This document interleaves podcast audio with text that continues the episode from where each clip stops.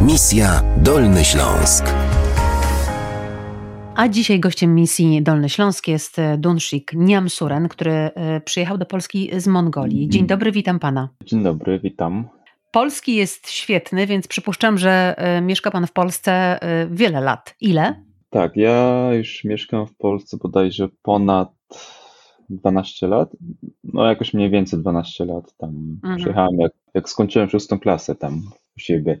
Czyli jako dziecko. Tak, dokładnie. A co zdecydowało, że pan e, przyjechał do Polski? Bo rozumiem, że przyjechał pan z rodziną. To znaczy nie, e, rodzice przyjechali już wcześniej i później tak jakby zdecydowali, że chcą mnie brać z sobą i tak jakby później dołączyłem do nich. No i jako dziecko nie wiedziałem po prostu gdzie jadę i po co jadę.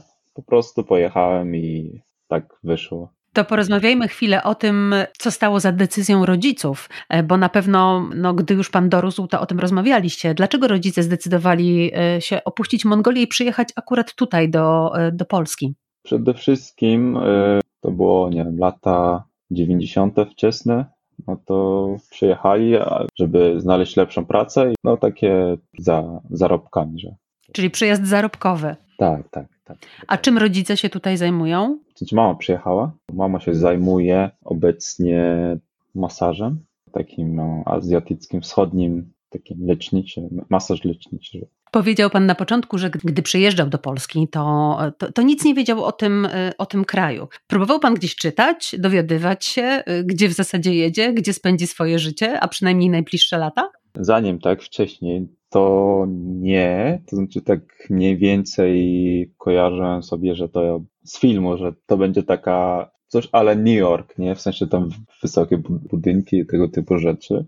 No jako dziecko miałem takie skojarzenie, że po prostu biali ludzie, no to muszą być tam tego typu. Przyjechałem. no, I okazało się, że to nie jest New York. Tak, tak. Ale Polska rozczarowała, czy, czy, czy się spodobała? E, Jakie było to pierwsze wrażenie?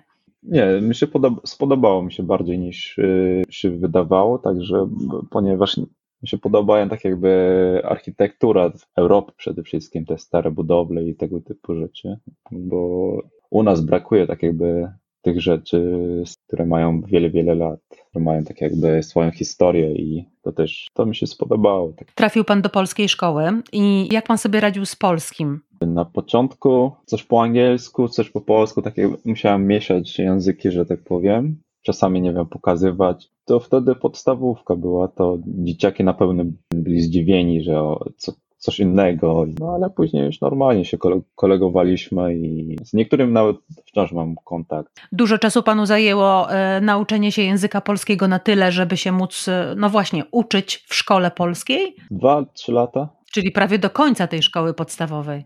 Ja przyjechałem do Polski, jak skończyłem szóstą klasę w Mongolii. W Mongolii jest tak, że znaczy można przeskoczyć jedną klasę, nie? I raz przeskoczyłem u siebie i przyjechałem do Polski tak jakby znowu do szóstej klasy, tak żeby po prostu nie pisać egzaminu, ale po prostu słuchać, zobaczyć jak to wygląda polskie szkoły, i, ale się wyrównało w Polsce. A bardzo różni się polska szkoła od e, mongolskiej i jeszcze dopytam, bo nie dopytałam o to na początku, skąd pan przyjechał? Czy to by- była stolica?